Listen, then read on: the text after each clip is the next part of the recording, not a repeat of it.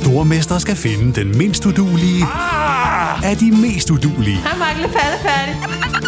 Sammen to papkasser. Åh, oh, nej, Mark. Må jeg ikke ringe til min mor? Stormester. En chance til. Det er ikke på nogen måde behageligt.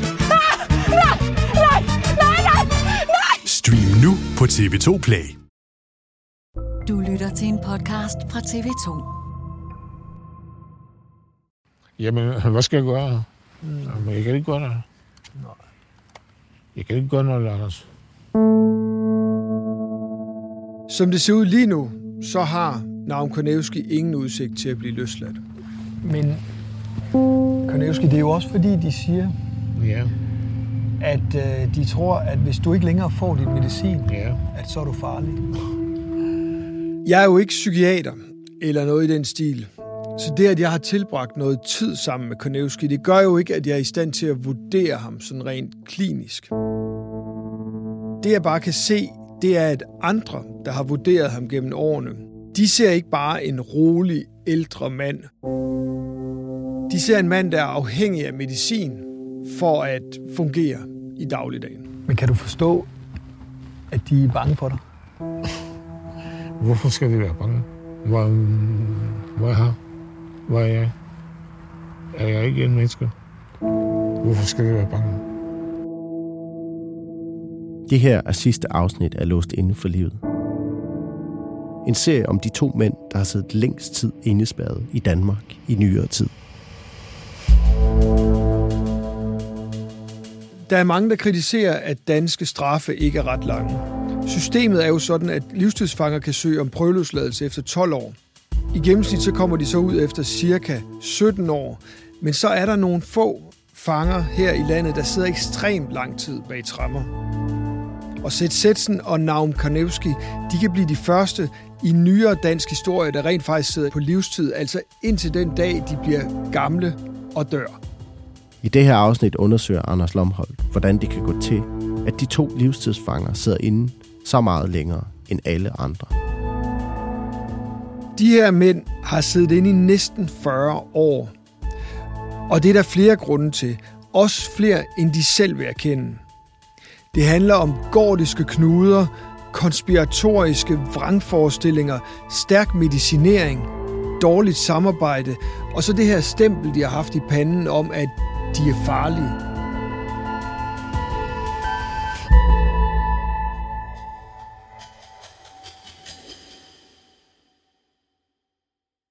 Altså det her med livstid i Danmark, det er jo et omdiskuteret emne, for det kan godt være, det hedder livstid, men det er det jo langt fra.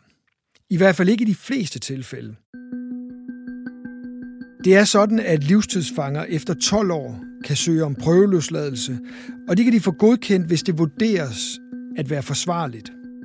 Det er en vurdering, som Kriminalforsorgen laver, også baseret på, om de har overholdt de regler og aftaler, der gælder i fængslet. Og så skal fangen også i et udslusningsprogram, hvor de skal vise, at de kan håndtere friheden, altså ved at sende dem på udgang i længere og længere tid, stadig oftere, og så ser man, hvordan det går. Statistikken viser, at folk med livstidsdomme i Danmark i gennemsnit sidder omkring 17 år. Men når man kigger sådan historisk på de her afsoningstider, som livstidsfanger i Danmark har, så er der især et eksempel, der springer i øjnene. Det er historien om Palle Sørensen, der sad næsten 33 år indespærret for et firdobbelt politimord.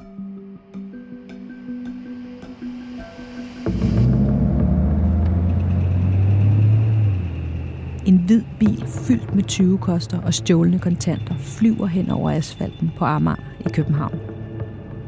Klokken er 3 om natten den 18. september 1965. Palle Sørensen sidder bag rattet, og i bagspejlet kan han se en politibil, der er lige hælende på ham. Han har en marker ved siden af sig. Palle trykker hårdt på speederen, ud forbi lufthavnen, tilbage mod Amager Strandvej, ind og ud af småveje, mens han forsøger at vriste politiet af sig. Men ved Kastrup-fortet går det galt. En politibil med to betjente får drejet ind foran Palle Sørensen og spærrer vejen. En af betjentene hopper ud af bilen, og Palle og makkeren gør det samme. Mens markeren løber væk, trækker Palle en 9 mm pistol frem. Han tager et par skridt hen mod betjenten, og så skyder han ham. Betjenten falder til jorden, og Palle går målrettet hen mod politibilen, der spærrer vejen. Den anden betjent sidder stadig derinde.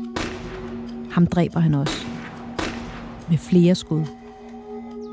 Da Palle vender sig om, kan han se, at betjenten på jorden ikke er død, men forsøger at kravle væk. Han går helt tæt på ham, og så skyder han ham. Direkte i baghovedet. Så sætter han sig ind i den hvide bil igen, trykker speederen i bund og fortsætter flugten. Kort tid efter dukker endnu en politibil op. De får igen spærret vejen for Palle, kører ind foran ham og tvinger ham til at stige ud af bilen. Og så gentager det hele sig. Palle skyder den første betjent, der træder ud. Og så går han hen og dræber den anden i politibilen.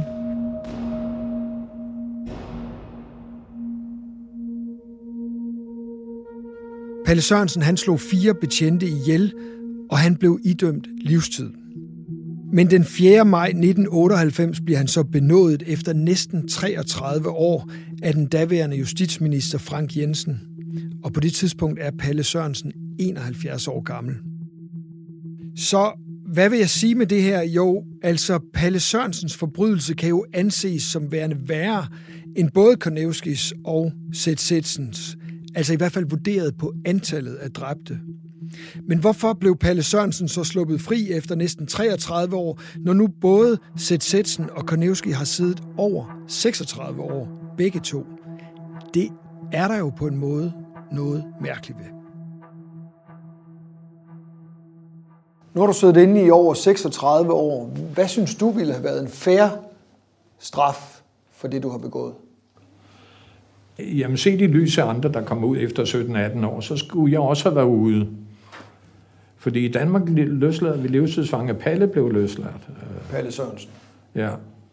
Andre, der har lavet værre ting end mig, blev løsladt. Så jeg håber da også snart, der sker noget. Jeg håber så meget, der sker en ændring. Det er jo ikke fordi Sætsen og Konevski ikke har forsøgt at blive løsladt. Det er sådan, at en gang om året, så bliver de her langtidsfangers sag vurderet. Og der har de så fået afslag på prøveløsladelse. Gang på gang. Det afslag kan de så tage videre til retten, hvor de får en dommer til at vurdere det, og så kan de anke et eventuelt afslag der videre til landsretten. Og sådan har de her sager kørt i overvis. De har kværnet rundt i retssystemet. Men hver eneste gang, så ender det samme sted. Sætsætsen er blevet afvist, og det samme gælder for Konevski. Og i deres papirer kan jeg læse, at det er der forskellige grunde til. Grunde, som jeg jo også gerne vil høre, hvad de selv siger til. Vi kan starte med Sætsen.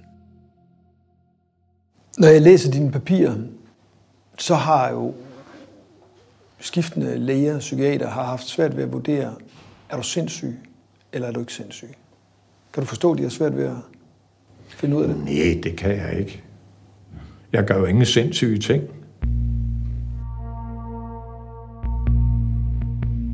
En af de væsentligste grunde til, at han ikke er blevet prøveløsladt, det er det, som psykiaterne kalder hans private logik eller vrangforestillinger. Ifølge Retslægerådet, så er Sætsen sindssyg. Men han har også været til andre psykiatriske undersøgelser, hvor de siger, at han er ikke, han er ikke som sådan syg, han er bare mere meget speciel sær, kunne man sige. Og det er det, der er med Sætsen. Setsen. Øh, lægerne, psykiaterne, har alle dage haft svært ved at, at beslutte sig for, hvor syg er han egentlig. Fordi han er jo ikke, han er ikke plaget af det her. Jeg siger ikke noget sindssygt, så øh, det, det kan jeg ikke forstå. Han er en glad og velfungerende øh, fange, og er man så sindssyg, når man har så sære forestillinger, som han har? Det har lægerne øh, bokset frem og tilbage om. Nogle siger, at han er sindssyg, nogle siger, at det er han faktisk ikke. Det er derfor, han sidder i et, i et øh, fængsel også, og ikke på en psykiatrisk anstalt. Her i Danmark, i sådan en situation som mig, der skal være noget galt med dig. Men altså, det der så er det store problem nu, det er, at Sætsen han har fået nok af undersøgelser. Han vil ikke længere være med til retspsykiatriske undersøgelser. Han siger, at han har fået nok, han gider ikke mere. Og så står sagen ligesom der. Det er direktoratet, der hele tiden har ville have nye undersøgelser, nye undersøgelser, nye undersøgelser. Og jeg blev flyttet rundt i 30 år. Og du, det kan man godt blive træt af i længden, mand. Øh. Altså, jeg kan også godt mærke, når jeg sidder og snakker med Seth Setsen, at han er træt af at skulle igennem alle de her undersøgelser.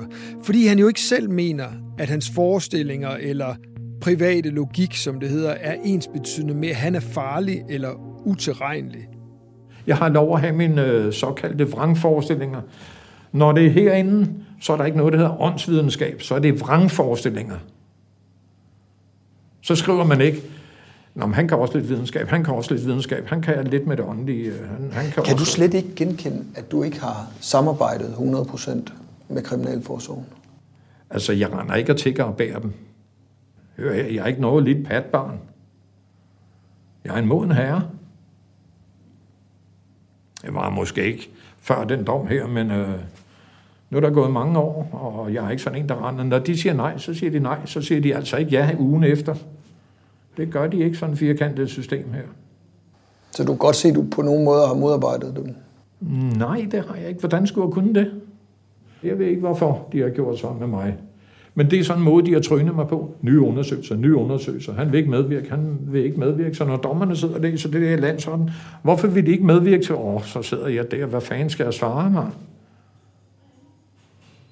De stiller sig aldrig tilfredse med de undersøgelser, de får.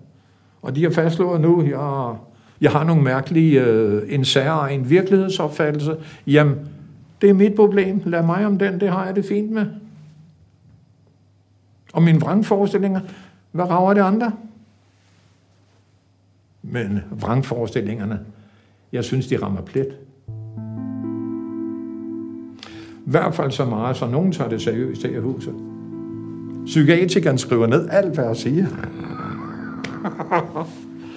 så sagde jeg, jamen så tager vi da 100 samtaler det. Så behøver jeg ikke at skrive en bog, så afleverer jeg dem bare. Der er et forlag, der jeg har gang i nu, ikke? der har rettet henvendelse til mig. Jamen så afleverer jeg det bare til dem. Men jeg er ikke sikker på, at det bringer dig tættere på en løsladelse. Fordi jeg har nogle skarpe meninger, og hvad så? Jeg er ikke den eneste, der har de her sammensværgelsesteorier. Jeg køber heller ikke den der med, for eksempel, at de har været på månen. Det er måske optaget i år 51. Det er der mange, der mener. Det er jo ikke en vrangforestilling. Det er jo bare min mening.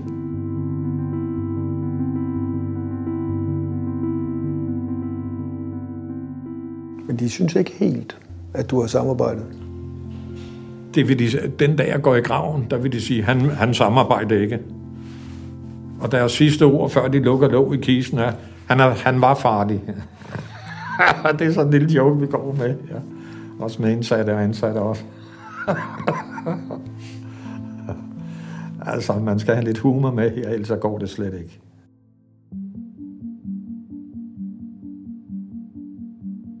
På en måde forstår jeg jo godt Seth Sitsen, når han siger, at han har ret til at have de her mærkelige meninger. Det er jo rigtigt nok.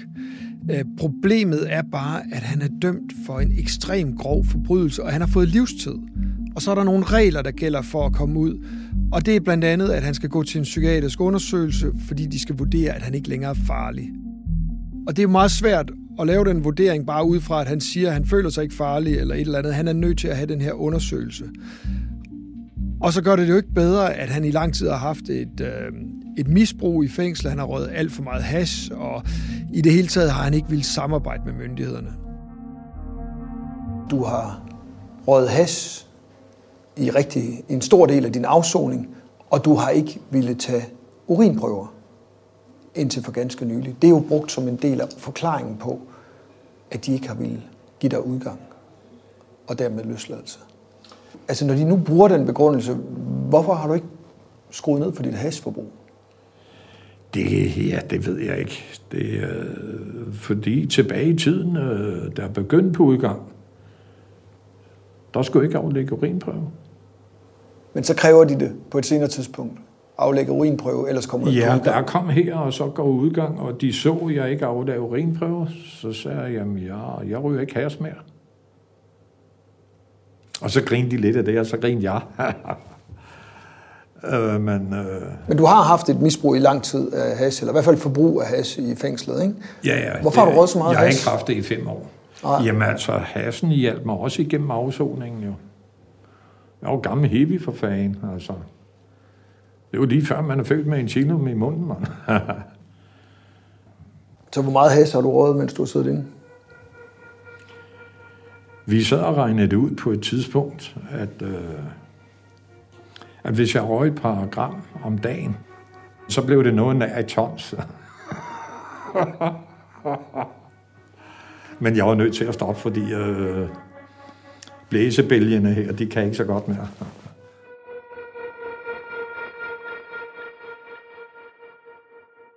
Hvordan, hvordan kan jeg være sikker på, at du ikke vil begå ny kriminalitet, hvis du bliver løsladt? Altså, hvis du har fulgt mig i mange år, jeg er ikke et menneske, der lyver. Jeg er ikke falsk. Og jeg er en, du kan stole på. Nu er jeg blevet 66. Jeg har for nok. Jeg skal ikke ud og lave noget. Jeg har ikke stor forbrug, jeg skal ud og lave. Jeg er ikke 20-30 år mere. Jeg skal ikke ud og spille verdensmand. Jeg skal ud og leve stille og roligt, anonymt liv. Sammen med mit netværk. Ud at rejse, når jeg engang må det. Hyg mig de sidste 20 år af mit liv. Hvis jeg har 20 gode år, jamen, jeg håber på at blive langt over 100 år, fordi der må være noget til mig i den anden ende.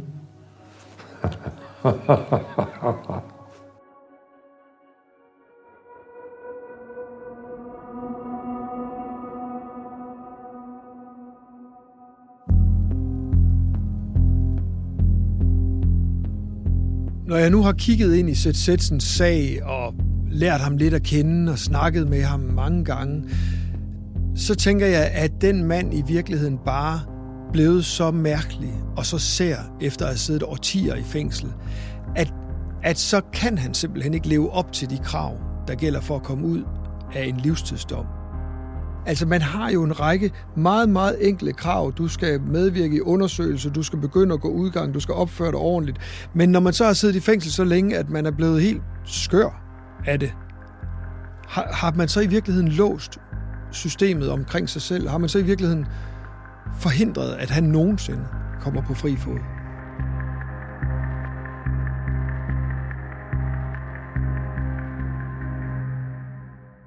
Hvad får du egentlig af medicin? Uh, medicin, jeg får Raspedel om morgen og en vitaminpille. Hvis vi så retter blikket mod Navn Kornevski og hans ekstremt langstrakte sag, så er der selv sagt også nogle grunde til, at han stadig sidder indespærret på Sankt Hans. Om aftenen, når jeg går i seng klokken 8, jeg får fire piller. Raspedel, igen, 3 mg. Sovepiller, Supraxa, 10 mg, jeg tror, Supraxa. Og så en pille, en lille rød pille til blodfortynding. Du får jo blandt andet det her antipsykotisk medicin. ja. Hvorfor får du det? Jeg vil ikke, du spørge lægen. Jeg ved ikke, hvorfor han giver det. Hvad mener du selv? Hvorfor får du den medicin? Jamen, øh, han siger, at jeg er syg i hovedet. Jeg siger til ham, fjerne den medicin en uge eller to uger, så kan du se, hvordan virker uden medicin. Han siger, nej, det gør jeg ikke. Du får, så længe du er her, du får det. Naum Konevski har været stærkt medicineret i årtier nu, og når jeg snakker med diverse psykiater og læser hans papirer, så er det klart, at han er sindssyg. Det er i hvert fald det, diagnosen siger. Og det er kun medicinen, der gør, at han er nogenlunde velfungerende i dag. Og det, man er bange for, det er jo, at hvis Konevski får sin frihed og pludselig ikke tager sin medicin, så bliver han måske farlig. Han fik jo i sin tid det her farlighedsdekret, som det hedder. Det fik han efter at have slået en betjent ned i Horsens statsfængsel og truet alle mulige andre. Og med det dekret vurderede man jo, at han var en farlig mand og udsatte andres liv og leme for alvorlig og overhængende fare. Så frygten er jo, at hvis man pludselig lader være med at give ham medicin, så, så aner man det. Altså, måske bliver han farlig igen. Karnevski, er du en farlig mand? Nej. Hvorfor skal jeg være farlig? Jeg har aldrig været ude at slås. Der har været nogle slagsmål, men det er mange, mange år siden. Ja. på sikringen, På sikring, ja. da du sad der. ja. Er du... Hvordan kan jeg være sikker på, at du ikke er farlig i dag? Jeg er ikke farligt i dag. Jeg skal hjem, uh, Anders. Det er ikke noget at snakke om farligt eller ikke farligt. Jeg skal hjem. Jeg skal være sammen med min familie. Der står jo, jeg har jo læst øh, mange af dine papirer, ikke? Altså, jeg har været igennem hele din sag. Der står jo, at du er paranoid skizofren, kronisk sindssyg. Er du ikke klar over det? Jeg fejler ikke noget. Det er lægen, der er sindssyg. Hvorfor er jeg sindssyg? Kan du svare til mig? Lægerne siger, at du er afhængig af medicin for at kunne fungere, som du gør nu. Du har været konstant medicineret yeah. med antipsykotisk medicin i over 20 år. Er du ikke med på, at du, øh, du ikke er helt rask? Jeg er med rask. Jeg er med rask. Jeg, er, jeg har kommet rask, og jeg, er kommet, jeg skal komme ud som rask også. Du mener, du er helt rask? Ja. Jeg fejler ikke noget. Hvorfor tror du så, de har givet mig der er antipsykotisk medicin i over Det er, 20 de år? leger med mig. De er jo bange for, hvad der sker, hvis du ikke får din medicin. Det sker ikke noget. Det er, de har fantasi. Hvad er de bange? Hvad skal ske? De er bange for, at du vil blive aggressiv. På afdeling? Eller ud for, når jeg går ud i byen? Ja, det kan være begge dele. Det passer ikke. Det faktum, at Konevski ikke vil erkende sin sygdom, det har gennem tiden været medvirkende til, at man ikke tør at løslade ham. Og der er jo noget med Konevski og det her med ikke at ville erkende ting. Altså han vil jo heller ikke erkende dobbeltmordet på femøren, og heller ikke alle de andre forbrydelser, han er dømt for, selvom beviserne er der. Så det, jeg kan læse mig frem til i papirerne, det er, at den her benægtelse af at være syg og af at være morder, det har spillet en rolle i Kornevskis sag, fordi når han er så utilregnelig i forhold til det, han har gjort og sin egen situation, hvordan kan man så tro på, at han ikke er farlig, hvis han bliver sluppet ud? Det er med til at forlænge din fængsling. Ja, stemmer. Hvorfor, hvorfor indrømmer du ikke, at du Hvorfor har gjort jeg, det? hvorfor skal jeg ikke mig? Jeg har ikke gjort det, man. Jeg har ikke gjort det. Hvordan kan jeg ikke mig? Det kunne måske gøre, at du blev løsladt. Ja, ja, men det, det, jeg har ikke gjort den. Men hvordan kan jeg ændre mig, hvis jeg ikke gør den? Og det er lige meget, om det er 27 år, eller 37 eller 137 det, det er lige meget, altså, jeg, jeg har ikke gjort den. Når jeg kigger på Kornevskis meget, meget lange afsoningstid, så kan jeg godt se, at, at det var især i starten af hans afsoning, at han, at han gjorde nogle voldsomme ting, at han egentlig var sådan udadreagerende og farlig. De sidste årtier har han ikke gjort en flue for træet. Men når han så stadigvæk vurderes at være farlig, så er der, så er der også en anden grund til det. Og det er fordi, Konevski har lige siden han blev dømt for dobbeltmordet, der har han haft et indædt had til politiet, og især en mand, efterforskeren Arne Astrup. Han nævner ham igen og igen. Jeg har jo besøgt dig rigtig mange gange efterhånden, og du snakker altid om Arne Astrup. Ja, fordi det er kun ham, der har gjort det. Ikke andre. Arne Astrup er ligesom blevet symbolet på Kornevskis had til det her system, der har dømt ham. Han mener, at Arne Astrup var en racist, og han mener, at han har fabrikeret en, en sag mod Kornevski. Kornevski mener, at alt ved Arne Astrup, det er, det er galt. Altså, han hader den mand. Nogle gange så truer du jo Arne Astrup. Jeg vil lige prøve at spille øh, noget for dig, som du, øh, som du har fortalt mig tidligere på et Ja. besøg. Ja. Prøv at høre her.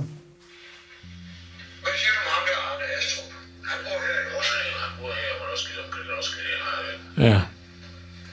Og hvad sker der, hvis du møder ham til? Ja, så slår ihjel. Ja. Vil du stadigvæk gerne slå Arne Astrup Nej, ihjel? jeg skal ikke snavse med hænder for ham, den svin. Han skal nok betale til Gud, en dag, hvor han dør. Så skal vi se, hvor han skal have. Eller i paradis, eller i helvede. Men Kornevski, hvordan kan jeg tro på det, når du... 100 procent, du skal tro på ham. Men du har jo før sagt, du vil slå ham ihjel. Ja, men det... Ja, ja fordi jeg er dårligt. jo. Derfor jeg, jeg har sagt det. Det siger også min kunde, at du skal ikke true ham eller nogen andre. Derfor det kan ikke gå mål. Er det, er det fordi din kone siger, at du ikke må true ham, Men at du nu og ungerne, siger, ungerne også siger til mig, og også ungerne. De siger, at du er før 12 du bliver 13 så nu. Du skal lade være med det. Gud, Gud øh, skal betale ham.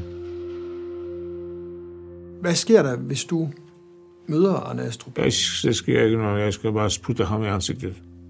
Jeg, jeg- skal ikke øh, snakke snavse med hænder med ham, idiot. Møgsvin.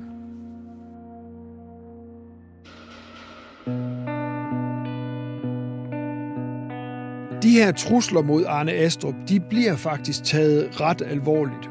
Og det kan man jo på en måde godt forstå, fordi altså Konevski er dømt for at slå to mænd ihjel og for at begå vold og voldtægter. Så hvorfor skulle han ikke gøre alvor af de her trusler? Hvad tænker du om det, han siger der? Han tror dig. Og jeg har faktisk snakket med Arne Astrup om de her trusler. Ja, men det har jeg jo set og hørt, at det har han gjort mange gange. Og øh, nu synes jeg, nu alene det, man får at vide, der er gået så mange år, så synes jeg ærligt talt, lad ham der komme hjem. Men jeg synes sgu, det er synd for ham. Hvorfor skal livstid være så langt for hans vedkommende? Det er jo på en måde tankevækkende, at den mand, der er genstand for de her trusler, altså Arne Astrup, han er sådan set ikke længere bange for Konevski. Han synes, det er okay, hvis man nu lader Konevski komme hjem til Nordmakedonien. Og det er måske en meget god kobling til den sidste grund til, at Konevski stadig sidder indespærret i Danmark, fordi i hans sag er der en form for gordisk knude. Da han bliver idømt livstid tilbage i 85, bliver han samtidig udvist for bestandigt. Og det vil sige, at han i princippet skal hjem den dag, han bliver sluppet fri. Derfor kan man ikke lave den der gradvise udslusning, hvor han kommer på åben afdeling, får mere overlov eller mere udgang osv. Den udslusning kan man ikke lave, og derfor siger man hele tiden, når, man, når du ikke har vist gennem udslusning, at du i virkeligheden er, er ufarlig, jamen så kan vi ikke prøve løslade dig. Så stopper den der. Så kører sagen også i et andet spor, hvor man gerne vil overføre ham til et lignende psykiatrisk, lukket psykiatrisk øh, hospital i hjemlandet Nordmakedonien. Det er jo sådan, man normalt gør, når man har dømte udenlandske kriminelle i Danmark, så vil man gerne have dem sendt ud af landet til afsoning i hjemlandet. Men fordi der har været så meget frygt for Konevski, fordi han engang blev kaldt Danmarks farligste fange, så har man haft den der forestilling om, hvis man sender ham derned, så er institutionerne måske ikke særlig gode, og så kan han slippe løs, og så kan han komme til Danmark, og så kan han slå Arne Astrup ihjel. Så derfor har det spor også øh, sandet til, kan man sige, på trods af, at der har været sendt den ene delegation derned efter den anden fra Kriminalforsorgen for at se på forholdene, og faktisk er de blevet bedre dernede. Deres psykiatriske hospitaler er blevet mere sikre. Alligevel har man heller ikke formået at få ham udvist til øh, fortsat afsoning i hjemlandet. Så, så det låser sig hele tiden om sig selv, systemet, og derfor så sidder han ja, nu på 39. år øh, og kommer ingen vejen. En af mulighederne for dig, det er jo, at du bliver overført til en anden lukket psykiatrisk afdeling i dit hjemland. Ja, Hvordan vil du have det med det?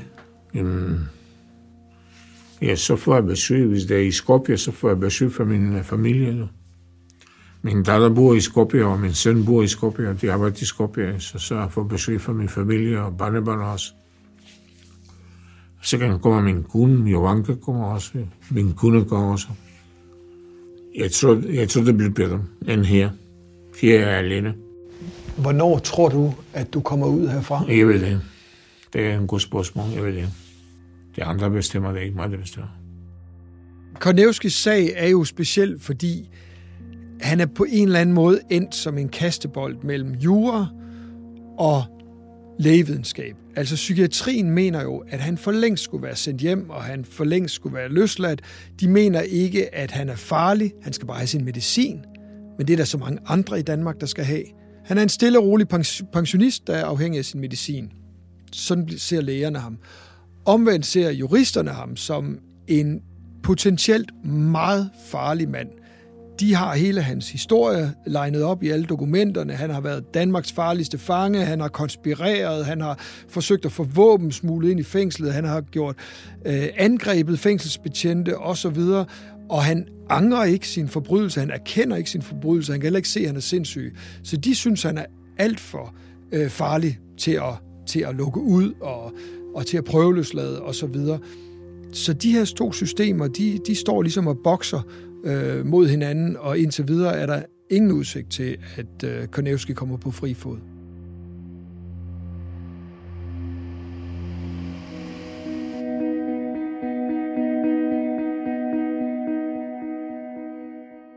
Efter at have dykket ned i de her sager, efter at have talt med de her to livstidsindsatte, så, så er der på en eller anden måde nogle, nogle spørgsmål, der melder sig.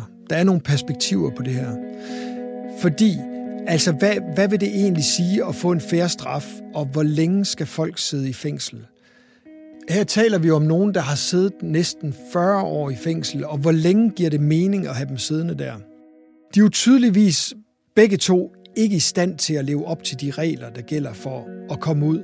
Så skal man bare holde fast i de regler og så sige, jamen hvis de ikke opfører sig ordentligt, hvis de ryger en joint, eller hvis de siger nogle mærkelige ting, jamen så kan de ikke komme ud, og så skal de sidde der til deres dages ende. Altså, hvem, hvem får egentlig noget ud af det? Fordi det er jo rigtigt nok, reglerne er sådan, og de lever ikke op til dem, men på den anden side, det kommer de jo nok aldrig til. Har du spildt dit liv? Jeg har spildt med liv her, 37 år. For ingenting. Uden familie, uden til nul. Jeg har ikke set ungerne, hvordan de vokser op. Og jeg er far til de alle tre. Og med en måned, så bliver jeg 73. Jeg har måske fem år tilbage. Jeg kan godt mærke på min krop, at jeg var pumpet i 37 år med medicin. Omvendt så må man også bare sige, at, at med den opmærksomhed, der er om de her, netop de her sager, så kan man måske godt forstå, at det også er svært for den person i Kriminalforsorgen, der skal sætte underskriften på deres løsladelsespapir og sige, okay, du er klar til at blive løsladt. Det kan godt være, at du truer lidt, og det kan godt være, at du opfører dig mærkeligt og, og så videre, og ikke gider at gå til nogle undersøgelser, men nu får du lige underskriften alligevel. Sådan som systemet er skruet sammen, så er det jo, så er det jo svært at, at lukke dem ud. Spørgsmålet er bare, hvem er det godt for? Udefra betragtet, så ligner det jo et spildt liv. Det liv, du har levet. Ja, men selvom det er herinde, så ånder du. Så lever du. Det er godt nok trange kår, men øh, jeg ser sådan på det. Det er jo kun mit hylster, etui, der sidder i fængsel. Den her, den er et med hele universet. så ja, man kan jo godt... Øh, jeg kan godt abstrahere herfra at være her. Ellers så var det gået galt for længe siden. Skal de sidde 10 år mere? Skal de sidde 20 år mere? Skal de sidde til de dør? Fordi der er nogle strikse regler, og der er nogle folk, der bliver mere og mere mærkelige af at sidde i fængsel. Det er jo det, er jo det folk må gøre op med sig selv. Lige nu er der i hvert fald ikke nogen udsigt til, at de kommer på fri fod. Synes du, folk skal have ondt af dig? Nej, det, det er min egen dumhed, alt det her. Det, øh, når du koster et menneskeliv, så må du tage, hvad der kommer.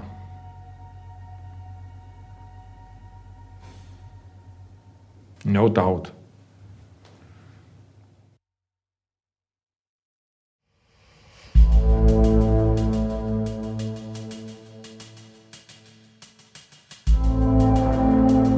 Det her var fjerde og sidste afsnit af Skyggesiden låst inden for livet. Skyggesiden låst inden for livet er produceret af Mono Mono for TV2. Serien er tilrettelagt af Nikolas Dur Thomsen og Tobias Ingemann, som også har lavet lyddesign. Fortællere er Anders Lomholdt og Andrea Ågaard. Redaktør er anne Sofie Venegård Larsen og Stefan Lekkelæk. Du kan allerede nu gå ind på TV2 Play og finde tv-dokumentaren Låst inden for livet om de to fanger, navn Konevski og Seth Setsen. Her kan du også møde den længst siddende forvaringsdømte i Danmark, Kikik Marquet. Jeg hedder Mikkel Rønnow.